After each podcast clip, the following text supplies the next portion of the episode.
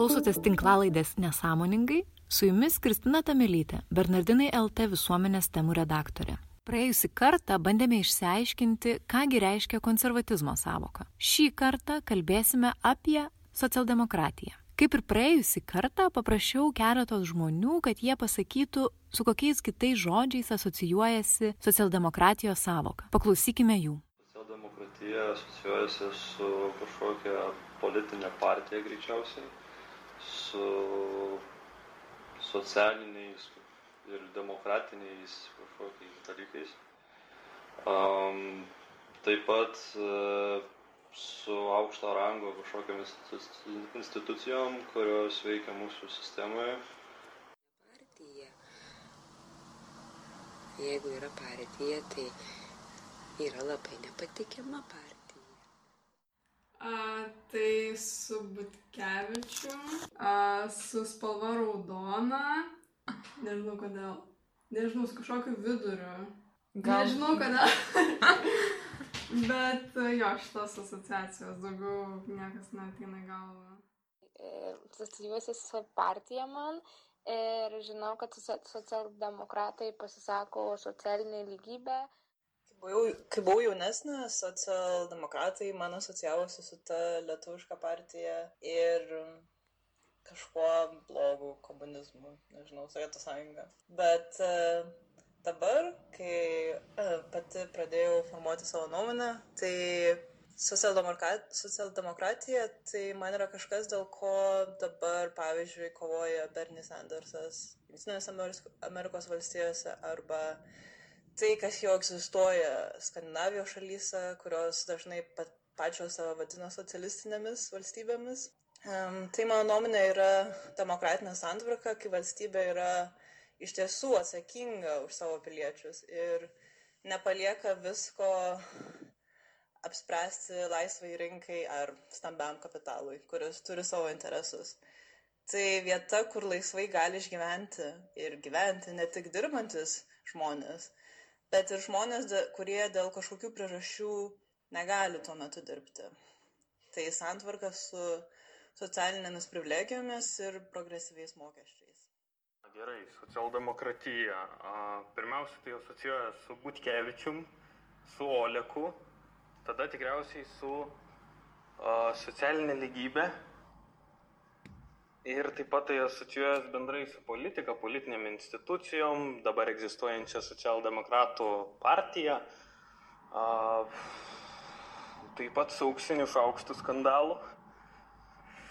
Ir, ir tiek turbūt tokie pagrindiniai dalykai būtų. Pokalbiui pasikviečiau Ruslaną Baranovą. Jis yra Vilniaus universiteto filosofijos fakulteto doktorantas, bet kartu ir socialdemokratų partijos narys besidomintis socialdemokratinėmis idėjomis ir jų kaita. mano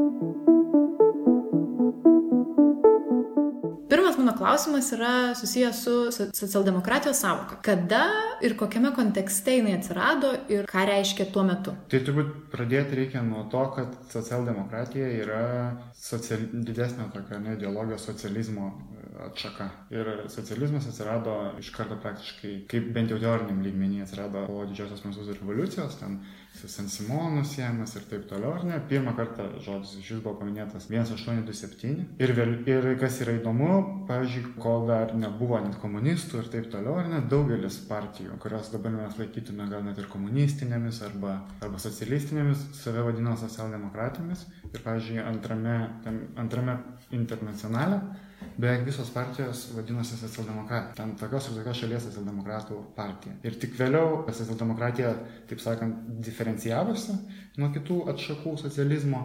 Jeigu taip turbūt stambiai labai žvelgti, tai atsirado komunizmas, socializmas, turbūt trys pagrindiniai, nebūtų socializmas, komunizmas ir e, socialdemokratija.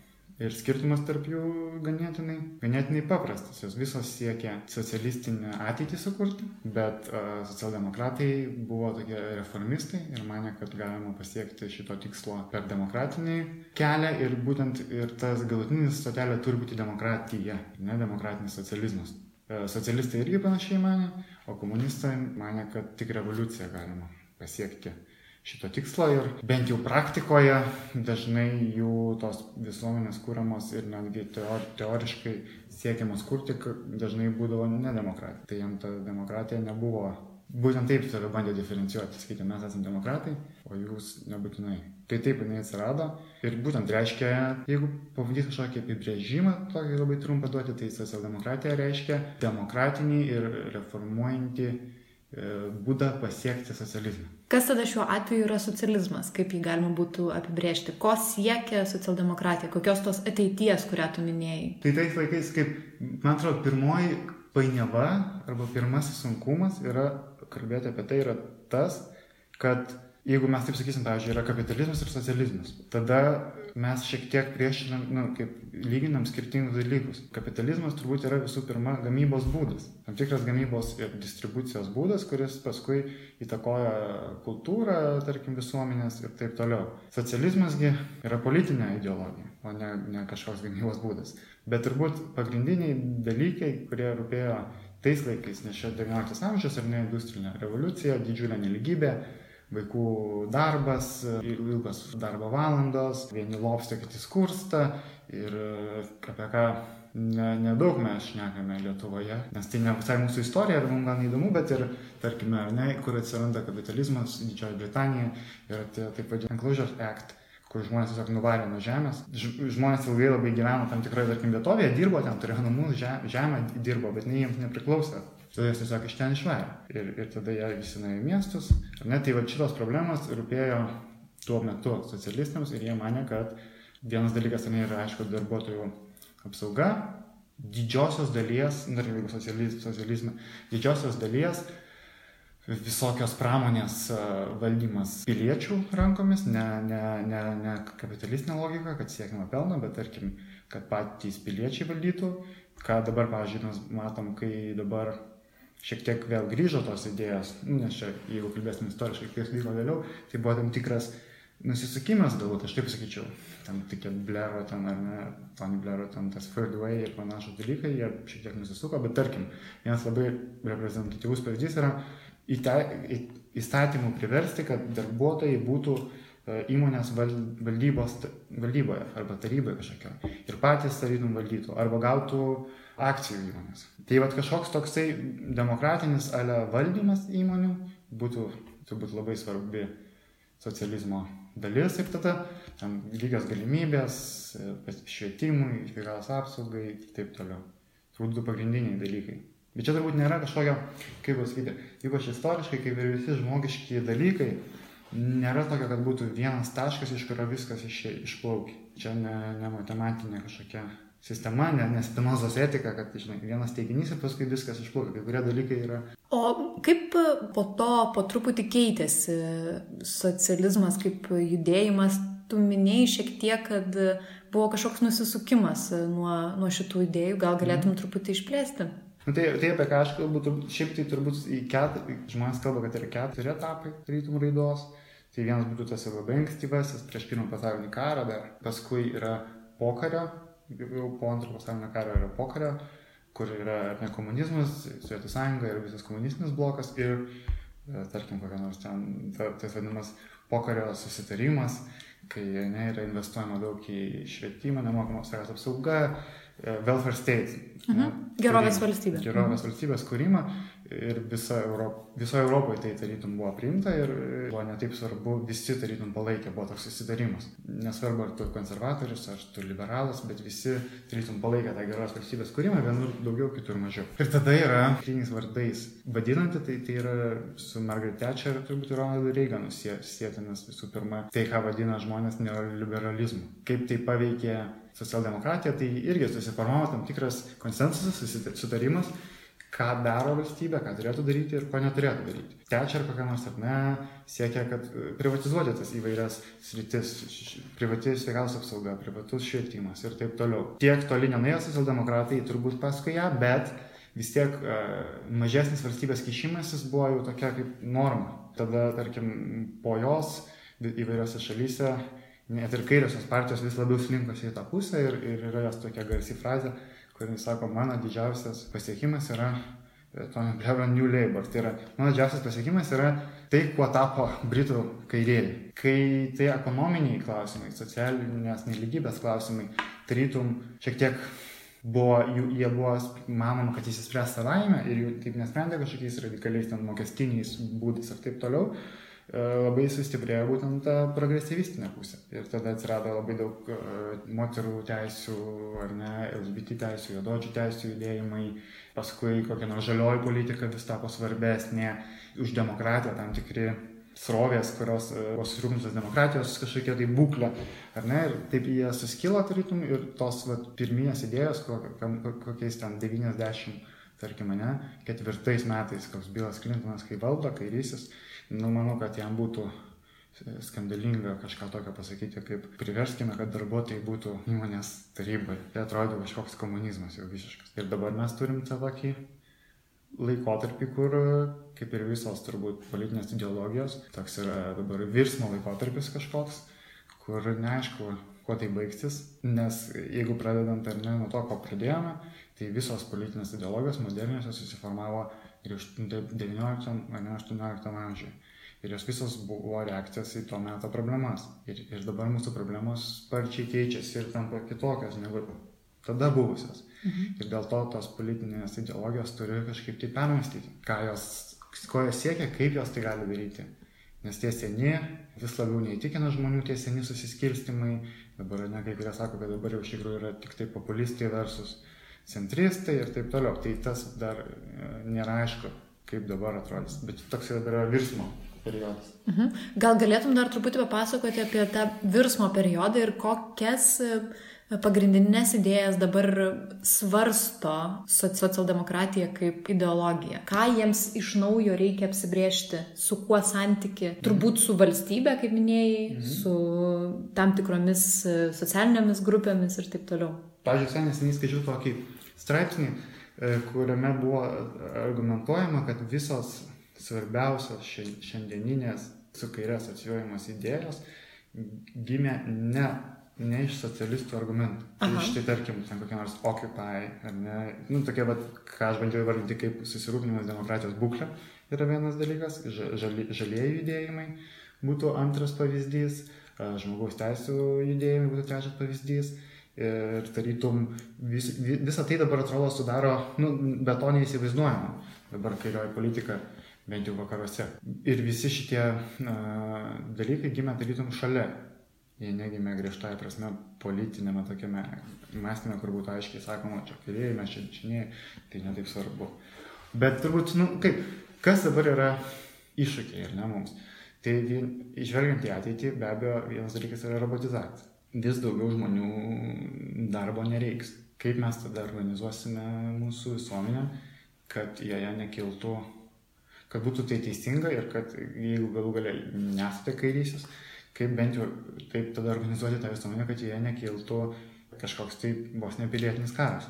Nes jeigu žmonės neturės galimybės dirbti ir užsidirbti, tai jie nebus patenkinti, ar ne? Tai net jeigu ne kairiaisiais terminais šnekant, bus sulaužytas tas socialinis kontraktas. Kita, manau, didelė problema yra su, taip sakant, su technologijom naujos. Iš esmės, turbūt visos didžiosios bendrovės yra praktiškai monopolijos. Ir e, kaip, kaip mums su jomis elgtis, dabar Sąjunga, tarkim, bando, ar ne, kaip buvo tie garsieji, reikia e, sula, e, kaip čia praktiškai sulaužyti, tai toks buvo terminas dažnai vartojamas, ten kokį nors Google, ne, įskaidyti į mažesnės bendrovės, nes jis yra monopolija ką su, su jais daryti. Duomen, duomenys yra turbūt dar vienas labai svarbus dalykas į ateitį žvelgiant, nes turbūt greitai mūsų kuriami duomenys, net, netgi tokie, kad nueini į parduotuvę, ką tu perki, taip toliau, bus didžiausias mūsų turtas. Bus vertingiausias dalykas, kurį mes gaminame. Gal net ir dabar iš tikrųjų turbūt jau taip yra. Nes ir, ir tarkim, visa tai yra visiškai neapmokestinta. kokie nors ten Facebookas ar ne, susirinka belikiek domenų ir, ir mes jam visą tai atiduodam nemokamai. Paskui be abejo, nu, man bent jau pagrindinis turbūt e, svarbiausias dalykas yra klimato kaita. Tai vėl reikia, ar ne, kažkaip tai apsispręsti. Ir, ir visos šios problemos, nu, pavyzdžiui, klimato kaita, ar ne, jos yra ganėtinai sudėtingos, ta prasme, kad tuo pačiu metu mes tarytume konkrečiai kalbant, ar ne, konkretus pavyzdžiai. Yra toksai dalykas, kuri regresiniai mokesčiai. Arba kažkokie iš vis tokie vat, regresiniai sprendimai. Ir klimato kaita panašu, kad reikalaus tokių dalykų. Na štai tarkim, ar ne, jeigu tu nenori, kad važinėtų gatvėmis miestų seniai automobiliai, tai tu gali demokratinėje aplinkoje apmokestinti arba kažką tokio daryti. Ne, tada susikurti kažkokias paskatas, nusipirkti naujus automobilius. Bet aišku yra, kad tai labiausiai paveiks tuos, kurie ir taip yra silpniausi. Bet tuo pačiu metu neįmanoma gamta nelaukia. Tai va, visi šitie dalykai, jie atrodo tokie peržengiantis mūsų tas senas, senas mūsų opozicijas. Ir tada reikia mums kažkaip tai ir permastyti savo, turbūt, kas bus tas demokratinis socializmas ateityje. O koks šiuo atveju yra valstybės vaidmuo arba tokių institucinė prasme susiformavusių darinių, politinių partijų, kažkokių visuomeninių judėjimų ir taip toliau. Ir apskritai, kiek valstybė tai turi daryti ir kiek, ar kiek tai turi tapti kažkokiu iš apačios judėjimu arba noru pakeisti nurodyti kryptį. Čia turbūt irgi duodu tau skirtingi, kairieji duodu turbūt šiek tiek skirtingus atsakymus, ar ne, yra dar tokia srovė šalia socializmo arba socializme kaip anarchizmas, ar ne, kuri sako, kad kuo mažiau reikia, reikia viską organizuoti kuo mažesnėme, žemesnėme lygyje.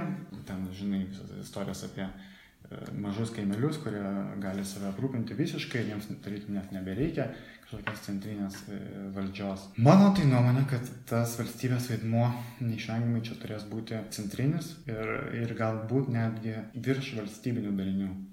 Tarkim, daugelio problemų Lietuva ir bet kuri kita panašaus dydžio valstybė ir, ir, ir turbūt Europoje gal Vokietija galėtų viena spręsti, apart Vokietijos visos yra mažos valstybės, kaip sako, Europoje yra mažos valstybės ir tos, kurios dar nesuprato, kad yra mažos valstybės, ar ne? Na, kad nu, visi šitie pavyzdžiai, jų neįspręsti, klimato kaita, tie visi su naujosiam technologijom susiję, netgi mokesčiai. Ne? Mes žinom, kad jeigu ten tik tai kažkas pakelia mokesčius, iš karto visi sako, oi, tai visi išvažiuos arba uždaryti tuos visus mokestinius rojus. Tai galima išspręsti turbūt tik ES lygių. Tai netgi čia kažkur reikės turbūt ir didesnių negu kad valstybė darinių. Bet e, demokratin, demokratiniam socializme ta skirtis pati yra kvestionuojama. Nes mes vis tiek įsivaizduojame, aš nežinau nuo kaip seniai, bet mes mastome taip sakant, liberaliomis kategorijomis ir liberaliu būdu. Taip, kai, kai, nema, kai nemastome daug, tada mastome, pagal nutilėjimo mąstymas yra toksai liberalus, yra valstybė, yra žmogus, jie ten labai yra kažkaip nutolę, skiriasi ir valstybė turi galę, o žmonės tarytum yra privačiame gyvenime tik tai gyvena ar ne, kartais jie tik išeina į viešą erdvę. Tai tas yra, turbūt, bet ir yra kvestionuoti. Ar valstybė iš tikrųjų yra kažkas tai, žinai, didelio, toli ir kas tave gali nuskriausti, arba kas turi milžinišką galę, ar veikiau jau tu pats, vat, ar ne, savo veikimu gali ypač Lietuvoje, kur pas mus tikrai nėra sunku paveikti politiką. Tai e, visą tai, kaip sakyti, turėtų kažkaip taip atrodyti. Mes turim, pavyzdžiui, labai mažą Lietuvoje kiekį žmonių, kurie priklauso politinėms partijoms. Tai turbūt tam demokratiniam socializme turėtų būti visi, nu, ne, visi praktiškai žmonės turėtų būti įsitraukę į tuos klausimus Ir tai turbūt bus lengviau ateityje netgi padaryti, e, pritaikant kažkokias naujasias technologijas, kai jos taps saugios, kai bus viskas lengva prieiti, ar ne, tada tai bus lengviau. Tarkim, koks nors ten e, dalyvaujamieji biudžetai, dabar kairiųjų e, inovacija, kur kažkokius nors, tarkim, 5 procentus miesto biudžeto mes paliekame, kad apsispręstų patys piliečiai miesto, kurie nori išleisti. Nu tai dabar, kaip ten vyksta įvairiai, bet supras, kad ateityje galėtų būti, kad yra tie 5 procentai ir tu gauni kažkokią ten e-mailą, tarkim, kur tu nori, čia, čia, čia ar čia. Arba tu pats teiki. Dažniausiai dabar vyksta, kad žmonės teikia tuos visus projektus ir paskui jie ten išrenka. Bet maždaug mes paskelbėme laiką, ne, teikime dabar, kur mes norime Vilniuje išleisti mūsų 5 procentus. Visi susinčia, visi Vilniaus gyventojai per e-mailą išsirenka, kur jie nori. Tai tada ta perskiria mažės. Mhm.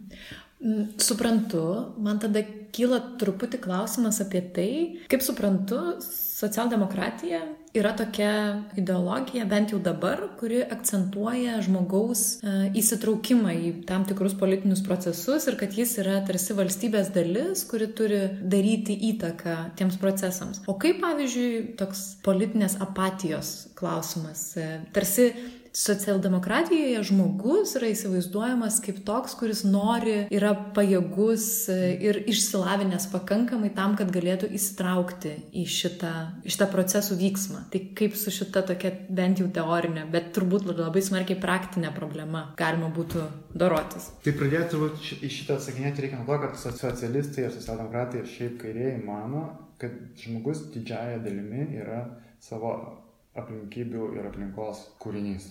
Ir jeigu mes nekeisime aplinkos ir aplinkybių ir, ir to, ką viešosios nuomonės, tai nieko nebus.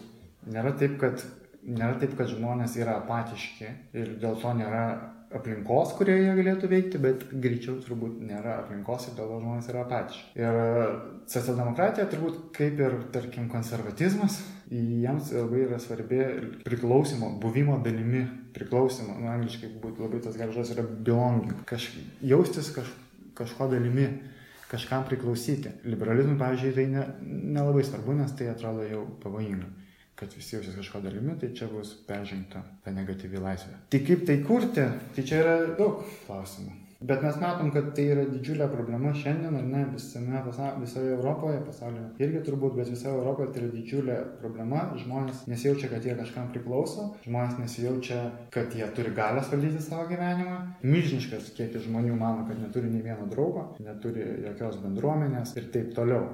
Ir kad ir kokį mes pasieksime, taip sakant, BVP rodiklį, tai vis tiek žmonės netaps laimingi, jie nesijaučia niekam priklausantis. Tai kurti tą priklausymą, sakau, yra įvairių turbūt kelių. Vienas dalykas - kurti aplinką kažkokią, va, tarkim, jeigu tu pats prabalsuosi už tą biudžetą, taip sakant, tai gal tada tu labiau jausiesi, kad čia tavo dabar yra. Ateisi, tarkim, bet jeigu būtų šimašius paskelbęs apie pležą, žinai, apklausą ir būtų kažkas balsavęs už pležą, ir ateitų ir tada gal sakytų, va, mano balsas buvo svarbus.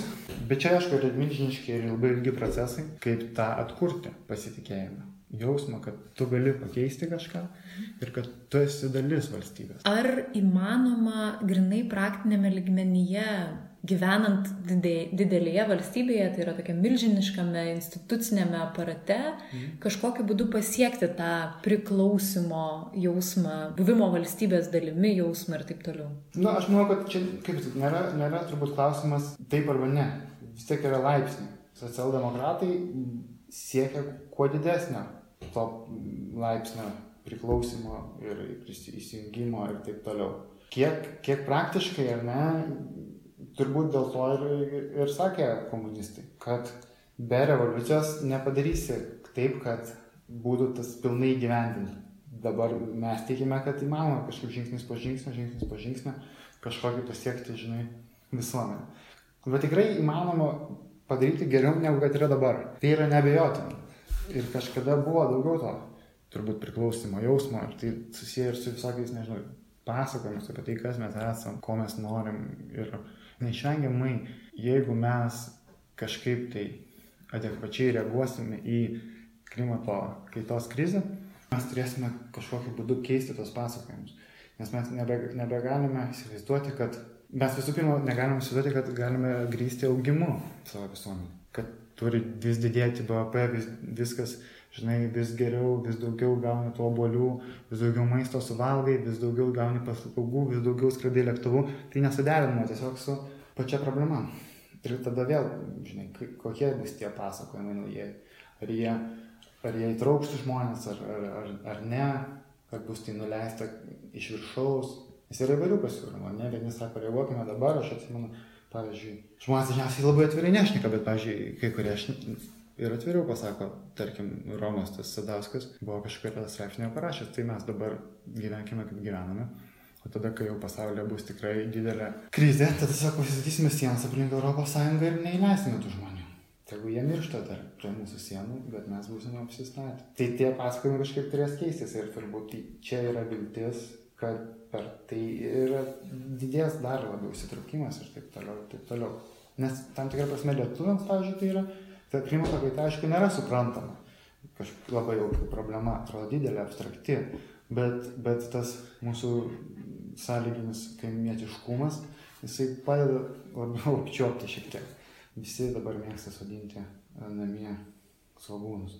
Tai tai, tai, tai va, būtų vienas iš to, aišku, to nepakanka, reikia vis tiek tų virš valstybinių dalykų, reikia ES lygių kažkokių uh, imtis priemonių ir taip toliau, bet, bet ir tas yra svarbu. Minėjai, kad kažkurio momentu pasaulis buvo šiek tiek geresnis, arčiau to, kad tu įsivaizduotum kaip gerą visuomenę. Mhm. Kada tai buvo ir kaip tai atrodė?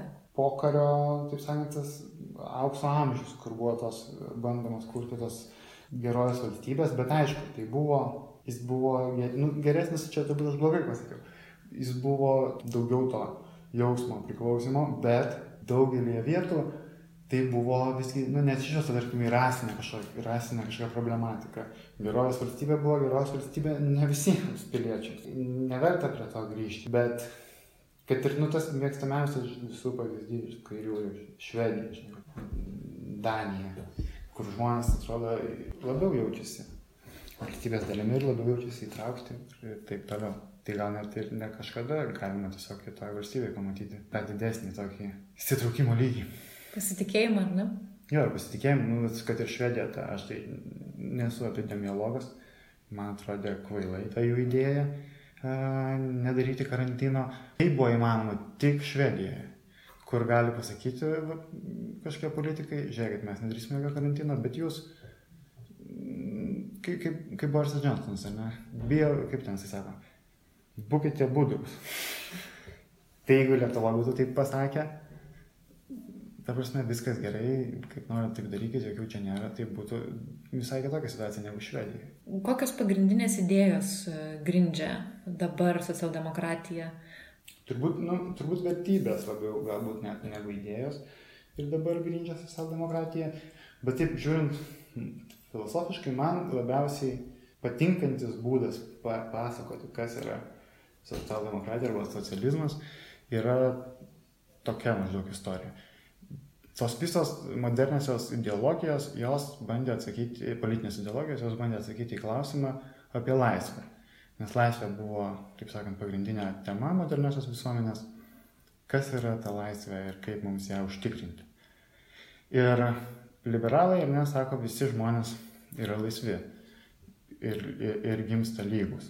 Tai socialdemokratai čia prideda, kad tai yra abstrakti laisvė. Abstrakčiai mes esame laisvi ir su tavim dabar, žinai, atsisėsti, nuvažiuoti ir skrysti su Elono Masko raketa į Manulį. Bet realiai tai mes to negalim padaryti. Ir, ir yra daugybė abstrakčių laisvių, kurios iš tikrųjų nėra jokios laisvės, kad ir kokia nors ten teisė į gerą, tarkim, Amerikoje nors Teisė į gerą įsilavinimą yra tik abstrakti laisvė, nes daugelis žmonių tiesiog niekada neįpirks tų topinių universitetų, net jeigu jie ir bus gabus. Arba teisė į laisvę kokią nors į sveikatos apsaugą pačiam rinktis. Jis gali būti, tu esi laisvas, taip rinktis, kur nori gydytis, bet jeigu tu neturi pinigų, tai čia tavo laisvė ir baigėsi. Arba netgi kokia nors lygios galimybės ar ne, visi mes esame laisvi ir, ir, ir gimstame lygus. Bet mes matome, kad tai irgi yra abstraktu ir, ir, ir grinai statistiškai žvelgiant, žmonės, kurie gimsta, tai jautriose aplinkybėse, kur yra mažas įsilavinimo lygis, mažas pajamos, kokie socialiniai saitai sutrūkę, jie dažniausiai ir lieka toje pačioje visuomenės grupėje. Prastos mokyklos reprodukuoja tokius pačius vėl mokinius. Ir taip tas esasi ciklas. Ir, ir ta laisvė tada lieka va, tiesiog abstrakti. Tai socialdemokratija siekia tikros laisvės. Konkrečios tikros laisvės, kurią užtikrinti gali. Ir vėlgi, nebus taip, kad bus kažkada jau ten maksimai, ne? Čia vėl laipsnio klausimas, bet siekis yra padaryti, kad kuo daugiau laisvės būtų tikra laisvė, o ne tik tai abstrakčia laisvė, kurios tu negali niekada įgyvendinti.